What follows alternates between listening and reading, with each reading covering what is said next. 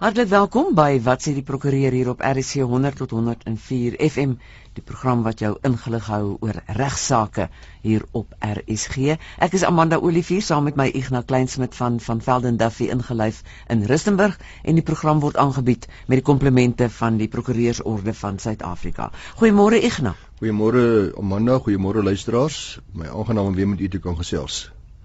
Amanda, ons uh, weet al reeds dat 'n egskeiding baie traumaties is, maar ek dink die mees traumatiese gedeelte van 'n egskeiding vir prokureurs en seker soveel te meer vir die partye wat daarbey betrokke is, is wanneer daar 'n uh, geskil is oor kinders. Wie gaan die primêre ouer, die primêre residensie vir die kinders gee? By wie gaan hulle woon? Hoe gaan die kontakregte werk ensovoorts? En hier is 'n baie interessante saak wat ek net vir u gaan van vertel. Is 'n ongerapporteerde saak en die prokureurs wat daarin belangstel uh, is in Pretoria in die Noord-Gautengse Hof saak nommer A549 van 2010 as hulle om wil gaan lees en dink prokureurs gaan daarin belangstel. Uh en dit vra vra soos uh kind is oorgewig, is dit my skuld? Gaan ek teen my tel dat ek toegelaat het my kind oorgewig word? Uh, moet ek keer uh, wie is die beste ouer? Hoe sien 'n hof dit? Wat is 'n goeie ouer regtig? Of, of wie is dan nou die goeie ouer? Is dit die een wat te veel bederf of die een wat streng is? Uh is oorbeskerming goed vir kinders? Of uh, verwag die hof 'n meer gebalanseerde houding wanneer dit gaan oor wat sien die beste belang van 'n kind?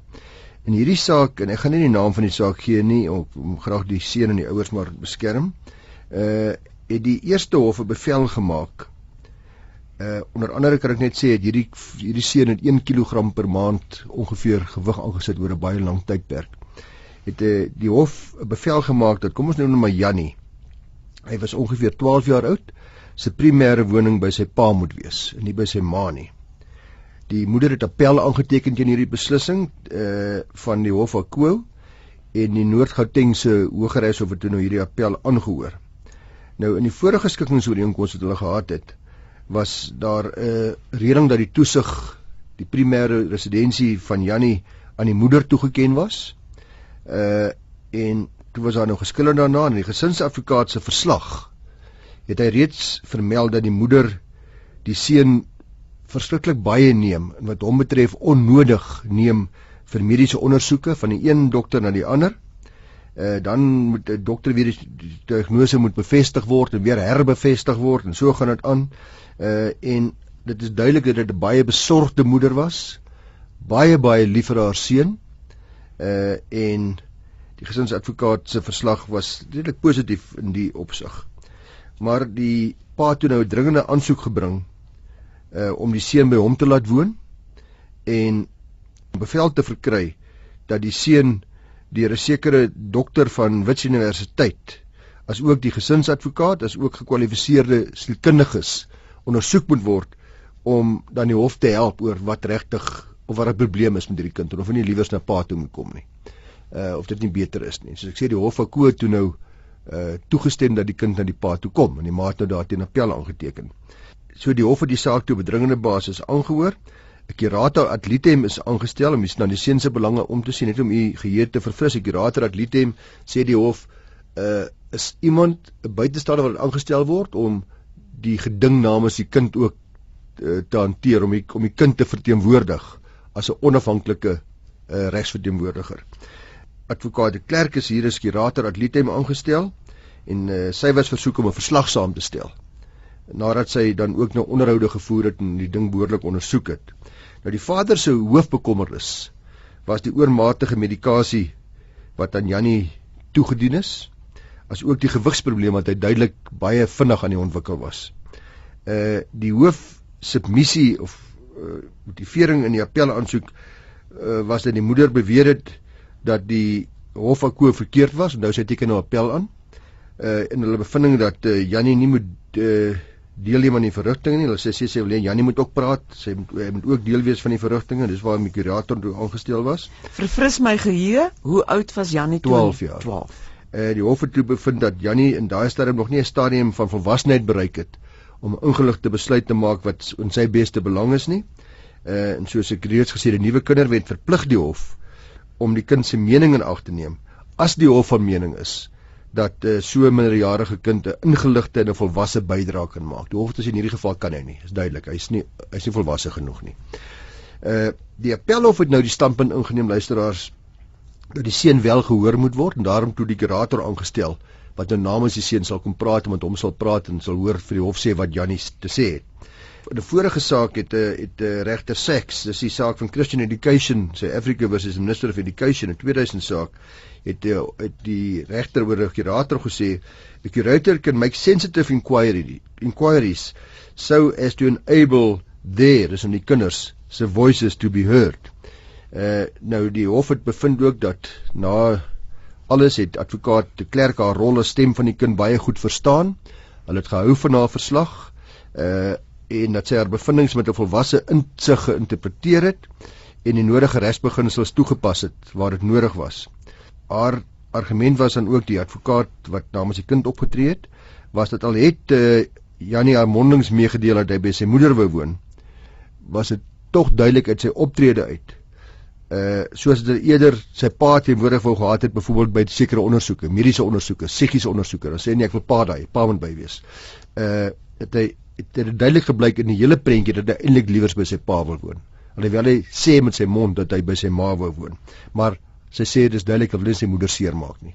Baie lief vir haar en wil haar nie hy wil dit nie dat sy weet dat hy eintlik by sy pa wil woon nie. Nou die beste belang van 'n kind is nou altyd met die parameter wat of maatstaf wat ons hiervan praat, wanneer die primêre woning van 'n kind bepaal moet word.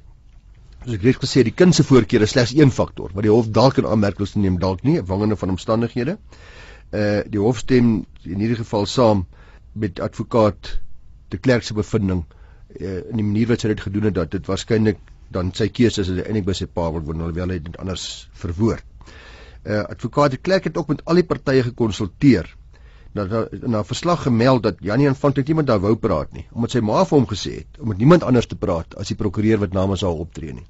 En advokaat de Klerk het hom later oortuig uh dat sy sy persoonlike advokaat is en hy het toe wel toegestem om met haar te praat.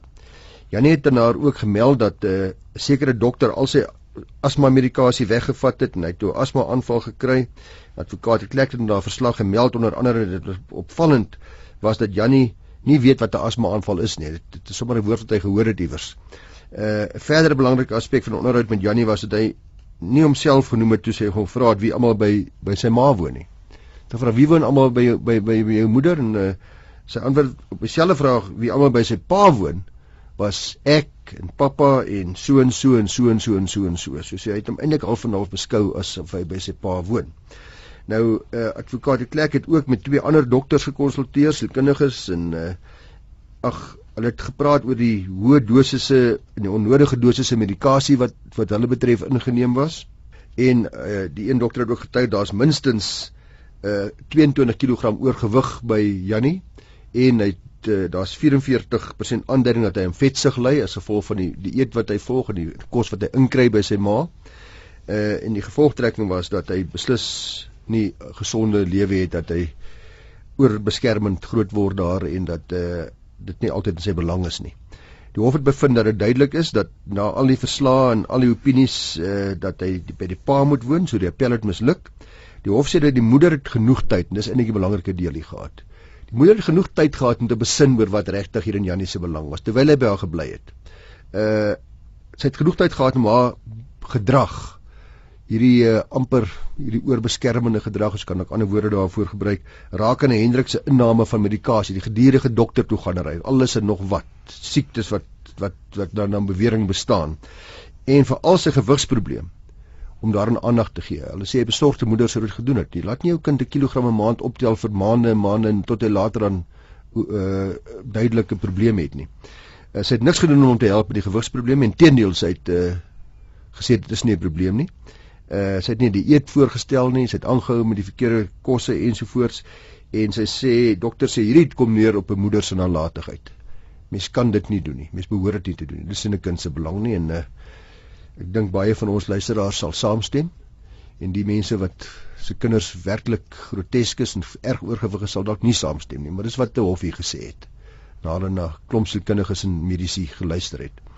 Die hof het bevind dat dit nie uh, dis in die beste belang was vir die kind om by hierdie vrou te woon nie, by sy moeder te woon nie. uh en dat dit uh duidelik in belang van die kleining is om by sy pa te woon. So die appel is van die hand gewys. Interessante saak dink ek. Al hierdie voorbeelde van die sake wat jy vir ons hier weergee op die program leer 'n mens uit en ek dink mense in hierdie situasies moet maar fyn luister, nê?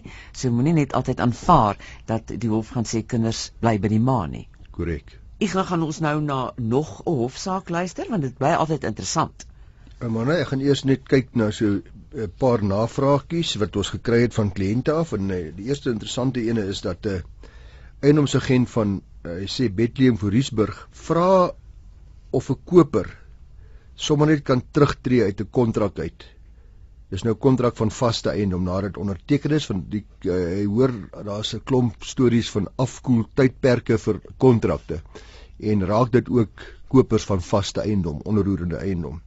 Luisteraars, die wet op verbruikersbeskerming skep wel 'n afkoeltydperk vir die koper van onroerende eiendom vir transaksies, let wel, net sekere transaksies, transaksies waarop die wet van toepassing is. En dan moet hierdie transaksies die gevolg wees van direkte bemarking. Nou direkte bemarking is hierdie storie waar die ou jou kom hierso in jou kraag gryp en sê kom nou ek kom ek nooi jou uit om te kom luister en kom kyk hierso en uh of ek klop aan my deur en sê wil jy nie asseblief hierdie eiendom koop nie en hier is die mooiste plekke langs die rivier of by die see wat ook nog dit mag wees. Uh daai soort van direk bemarking. Jy het nie gegaan na die eiendomsagent toe en sê ek wil 'n huis koop nie. Hy het aan jou toe gekom en jou kom pes of kom vra of jy die eiendom wil koop. Dis direkte bemarking. Nou hierdie wet geld slegs indien die eiendom dis nie die afkoeltyd wat ek van praat. Indien die eiendom in die gewone loop van die verkoper se besigheid vervreem word. Dit beteken ek se ontwikkelaar. Ek se spekulant. Dis my besigheid om huise te verkoop. Dit geld nie, daai afkoeltydperk geld nie waar ek my persoonlike privaat huis aan iemand anders verkoop nie. So hier is wanneer dit 'n besigheidstransaksie is of 'n of 'n ontwikkelaar of 'n deel van my besigheid uh, om in hierdie mark te wees en soos ek sê en dit was direkte bemarking. Uh indien ontwikkelaar is byvoorbeeld 'n eiendom aan iemand verkoop nadat die koper as gevolg van direkte bemarking byvoorbeeld 'n straatbiljet wat aan hom gegee is op straat of wat ook nogal strooibiljet uh en hy genader is en oortuig is om die transaksie aan te gaan dan sal die beginsel weer geld. Die afkoeltydperk sal geld en hierdie afkoeltydperk is regtig baie erg. Luister mooi. Die koper kan in gevolge hierdie reg op die afkoeltydperk te enige tyd kop uittrek. Dit is nou 'n getekende kontrak nê Dis nou ek koop by die ontwikkelaar, ek het geteken 'n kontrak, maar ek is geteken, ek is geteken met 'n direkte bemarking. Kan ek nog steeds uit hierdie kontrak uitkom sonder enige regsgevolge vir my? En terugbetaling vir my koopprys kan ek kry as ek reeds deposito betaal het of reeds die volle bedrag betaal het. Is daar 'n tydperk aan verbonde? Nee, die tydperk is vanaf datum van kontraksluiting tot so laat as 5 besigheidsdae na registrasie in my naam. So dit kan maande wees. Kan ek nog ander woorde die eiendom kan klaar my naam geregistreer is ek dink 5 dae later nog sê 5 besigheidsdae later sê nee jammer ek stel nie belang nie ek wil kop uittrek dan moet jy al daai hele proses terugkeer al die koper se geld vir hom teruggee en jou hele transaksie word gekanselleer en jy natuurlik dan ook die kostes aangaan van die akteskantoor registrasie wat weer teruggetransporteer moet word en al die gevolge daarvan dra. So dit is regtig hierdie is skrikwekkende bepaling. Dis 'n nuwe ding, dis 'n nuwe wet op verbruikersbeskerming wat dit bepaal en uh dit maak dat dat ontwikkelaars en mense wat uh teikenbemarking doen of direkte bemarking doen baie uh, lig moet loop, katvoet moet loop uh om nie mense in 'n ding in te praat waar hulle nie in wil wees nie. Uh want luisteraars as jy in so 'n situasie is tot 5 dae na die eiendom in jou naam geregistreer is, kan jy nog kan jy nog kop uittrek en niemand kan iets aan jou doen nie. Jene, dis eintlik uh skrikwekkend. Aan die ander kant is dit goeie nuus, maar ek dink 'n mens moet maar katvoet wees en baie baie seker maak uh voordat jy sommer hand op die papier sit, né? Nee? Ja, dit is so Amanda, dan het ek 'n uh, onlangse saak wat ek net vinnig met ons luisteraars wil deel en dit uh ek het reeds oor die afgelope paar jaar of eintlik die afgelope klompie maande by 'n paar geleenthede daarop gewys uh dat ons howe in Suid-Afrika redelik baie van trustees verwag trustees van 'n trust. Hulle verwag van daai trustee om nou geset en met dissipline hulle take as trustees na te kom. want dit dit gebeur al hoe meer en meer dat mense agterkom trustees dink ag ek hoef niks te doen nie ek is net 'n naam daarso dat die die ander mense wat by aangestel het kan maar die werk doen uitkom nou jy loop verantwoordelikhede jy loop jy verantwoordelikhede jy loop risiko's en jy het uh, fiduciêre pligte en jy het uh, werklik waar 'n uh, plig om nou geset en met groot dissipline aandag te gee aan die sake van die trust asof dit jou eie saak is mense kan met ander woorde nie 'n sogenaamde slaapende trustee wees nie en daar's baie aanduidinge dat die aanvaarding van trusteeskap regsverpligtinge meebring waarvan mens regtig bewus moet wees. Nou in hierdie saak wat ek van praat, is Steyn en ander N en O versus Blockpave eiendoms beperk. Die trustees van die Drie Steyn Trust aksie ingestel teen Blockpave vir die betaling van agterstallige huurgeld. Uh Blockpave het verskeie tegniese punte geopper waarvan die belangrikste is dat die korrekte prosedure nie gevolg is toe die aksie ingestel is nie. Dit blyk uit die feit dat slegs 2 trustees van hierdie trust 'n vergadering bygewoon het waarin daar besluit was om nou te dagvaar vir die agterstallige huurgeld teen Blockpay. Die derde trustee was al vir 'n ander vir 'n redelike tydjie al deur die ander twee trustees eenkant geskuif, gemarginaliseer. Hy was nie meer regtig deel van hierdie trust besluite en die en die vergaderings ensovoorts nie. Hy was uit ook nie eens geweet van hierdie vergadering waarop hulle besluit het om hierdie uh, dagvaarding uit te reik nie. Die hof bevind ten gunste van Blokpay sê dat dit vir 'n trust om behoorlik te funksioneer, noodsaaklik is dit alle trustees derentyd volledig moet deelneem aan die aktiwiteite van die trust. Dit beteken is dat een van die trustees nie eenkant geskryf kan word of geïgnoreer kan word nie. Dit wil eens voorkom of by 'n behoorlike interpretasie van die beslissing van hierdie saak sê die regter dat selfs die feit dat die derde trustee in elk geval by so 'n vergadering uitgestem sou wees, dit is nou 2 teen 1 So die besluit sou nog deurgevoer wees. Eh, en die kans is goed dat dit dit want twee het in elk geval reeds positief gestem daarvoor. Die gunste daarvan gestem.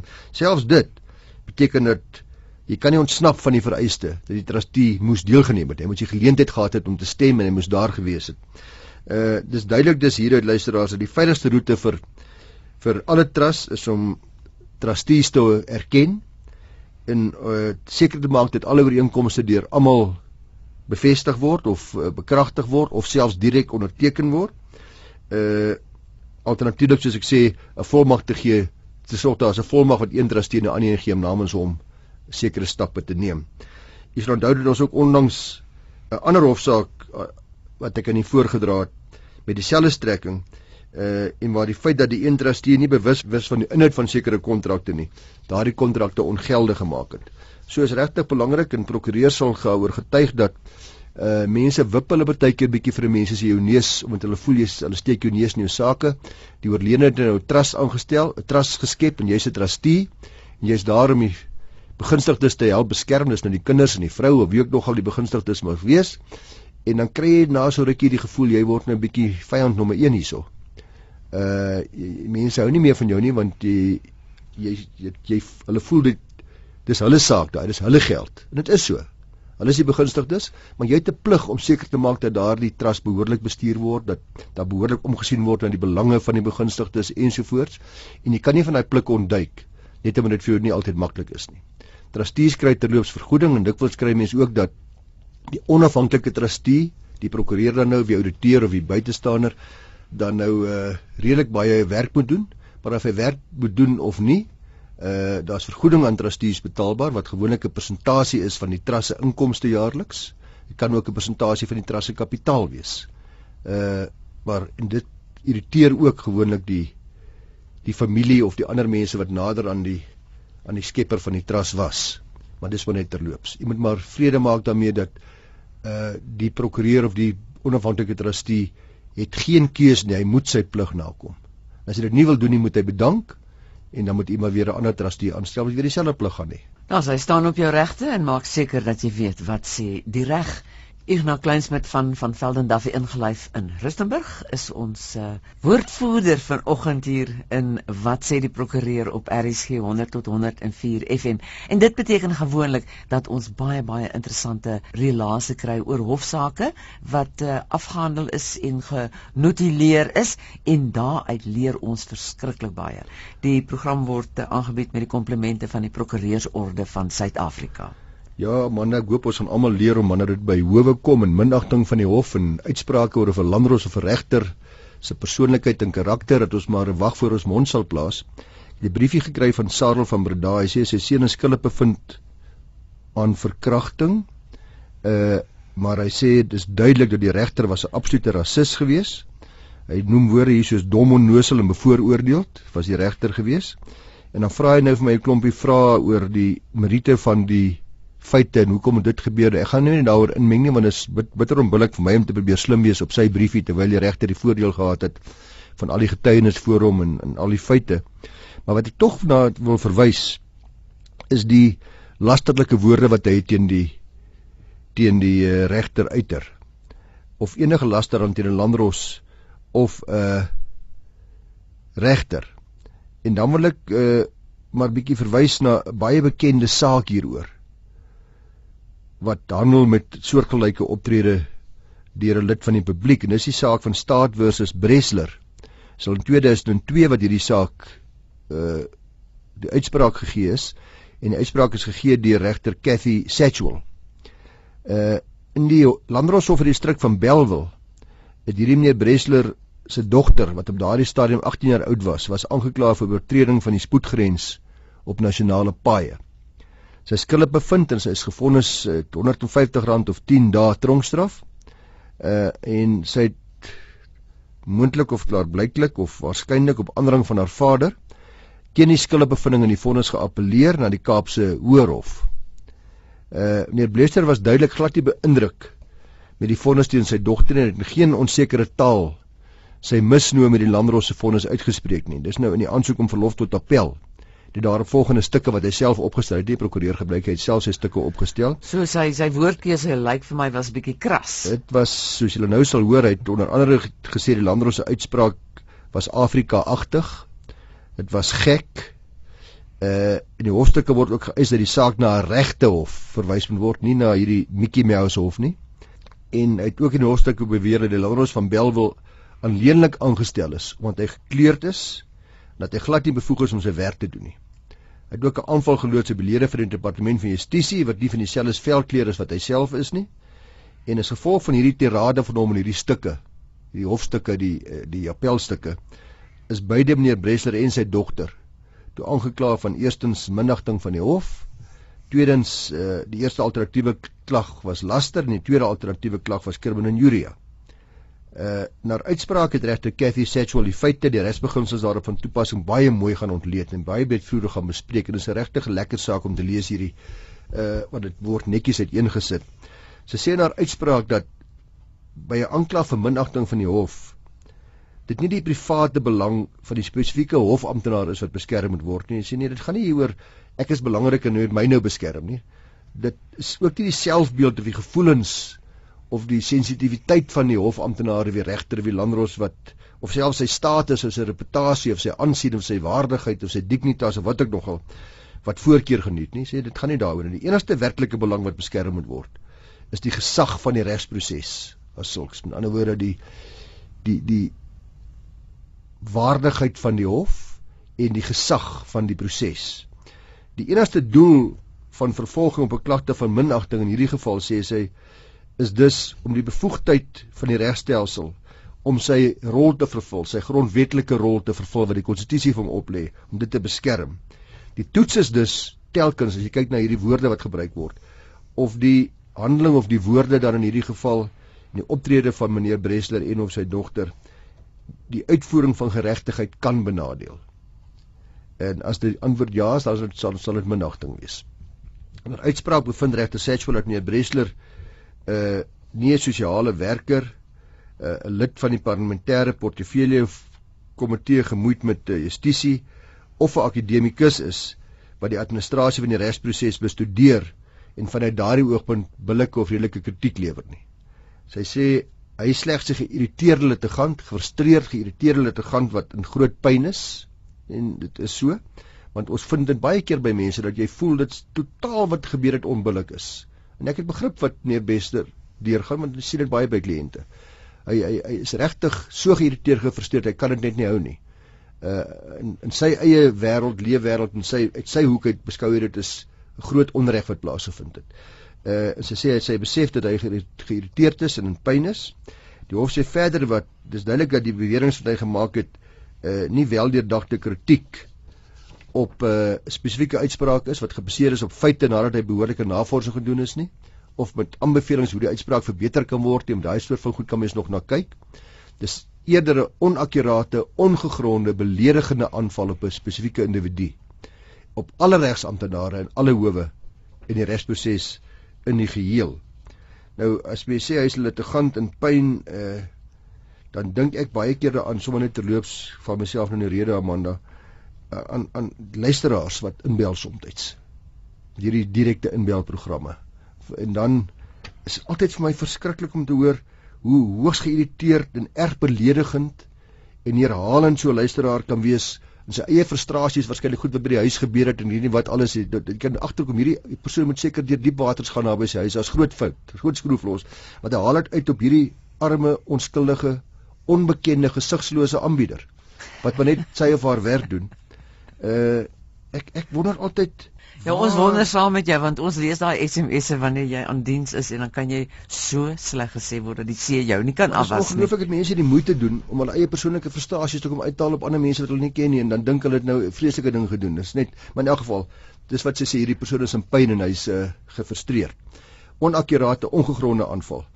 Uh die hof sê verder is duidelik dit is 'n eenmalige uitbarsting of 'n uitdrukking van frustrasie of ontevredenheid, is dit nie? Dis uh hy het ten minste 4 geleenthede oor 'n periode van 12 maande aangehou met hierdie storie van hom. Het beweringe gemaak oor 'n tydperk.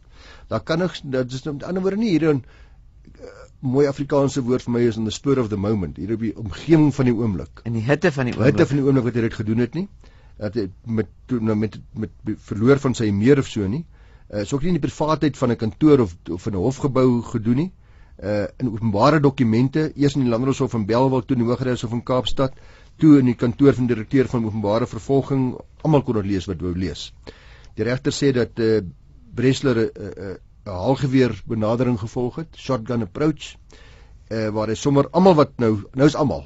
Nou nou gaan hy voluit teen die hele departement van justisie. Almal word nou belediging veroordeel. In plaas daarvan om 'n klagte terug want daar's daar's maniere wat jy dit kan doen as jy ontevrede is met 'n uitspraak. Jy kan 'n appel aanteken soos hy gedoen het, jy kan 'n klomp ander dinge doen maar jy kan 'n klagte rig aan die menslike hulpbronne departement by die departement van justisie uh en kla oor alles en nog wat. Ter afsluiting sê die hof ook dat daar geen onreg gepleeg is teenoor die beskuldigde is nie. Die landros was nie afknouerig of vernederend teenoor mevrou Brester nie. In werklikheid was die enigste rede vir die hele tirade 'n rassistiese reaksie sê sy op 'n uitspraak deur 'n gekleurde landros verhandigheid teenoor mense met 'n ander velkleur en kulturele agtergrond as sy eie sê die regter was die enigste motief hierdie aanval. Uh, deur meneer Bresler en hof sê verder in haar uitspraak dat meneer Bresler geregtig is daarop om rassistiese opinie te hê soos wat ons die volgende persoon geregtig is om liberaal of kommunisties te wees. Ons kan dit almal wees wat ons wil wees. Dis egter sodat wanneer hierdie opinies in die publiek uitgespreek word en wanneer daar volgens opgetree word en hierdie optrede ander mense beïnvloed die hof by, by magte is om dit te ondersoek en kyk waar 'n misdryf gepleeg is en hy is skuldig bevind meneer Bresler aan minagting van die hof sy dogter is vrygespreek op al die aanklagte omdat sy te alle tye volgens die hof onder die onbehoorlike beïnvloeding van haar vader was en omdat sy nie verantwoordelik was vir hierdie minagtende en lasterlike beweringe wat deur hom gemaak is nie. Wat is hy toe gefonnis, weet jy? Ongelukkig nie. Ek kan vir jou vasstel en dit weet Amanda, ja, maar dit is interessant want ek as ek reg onthou het jy gesê haar vonnis was R150 of 10 dae, onthou ek reg? Ja, dit was dit was dit was waaroor die appel gegaan het. Ja, en en as jy nou dink waar in hy homself laat beland het. Nou ja, toe laat dit ja. vir ons almal 'n les wees en uh respekteer ander mense. Dit dan vanoggend hier in wat sê die prokureur onthou jy kan weer Vrydagoggend om 1 uur in deernag na die herhaling van wat sê die prokureur luister. Jy kan ook weer na die hele program luister, ook na ander programme. Jy gaan na www.rsg.co.za, klik op potgooi en maak jou keuse om dit af te laai uh in MP3 formaat of net weer daarna te luister. En uh, my e-posadres is amanda@rsg.co.za. Ja, dankie Amanda. Groete aan almal. Volgende week gaan ons bietjie luister as jy belangstel oor wat gebeur as iemand sonder toestemming 'n foto van my kind neem waarmee ek nie tevrede is nie. Gaan dis 'n interessante hofsaak. Ek gaan bietjie met u gesels ook oor boelie en afknou wat nie altyd in die besigheidswêreld werk nie. Een groot kontrakteur teenoor die klein kontrakteurtjie uh, wat nogal ook vir u dalk interessant mag wees. En ek gaan bietjie kyk na die hele Goldreef City saak as ons tyd het volgende week. Ek hoop ons het tyd. Ja. Ons sien uit daarna. Baie baie dankie. Sluit gerus weer maandagooggend by ons aan by Wat sê die prokureur op RC 100 tot 104 FM. Ek is Amanda Olivier wat groet.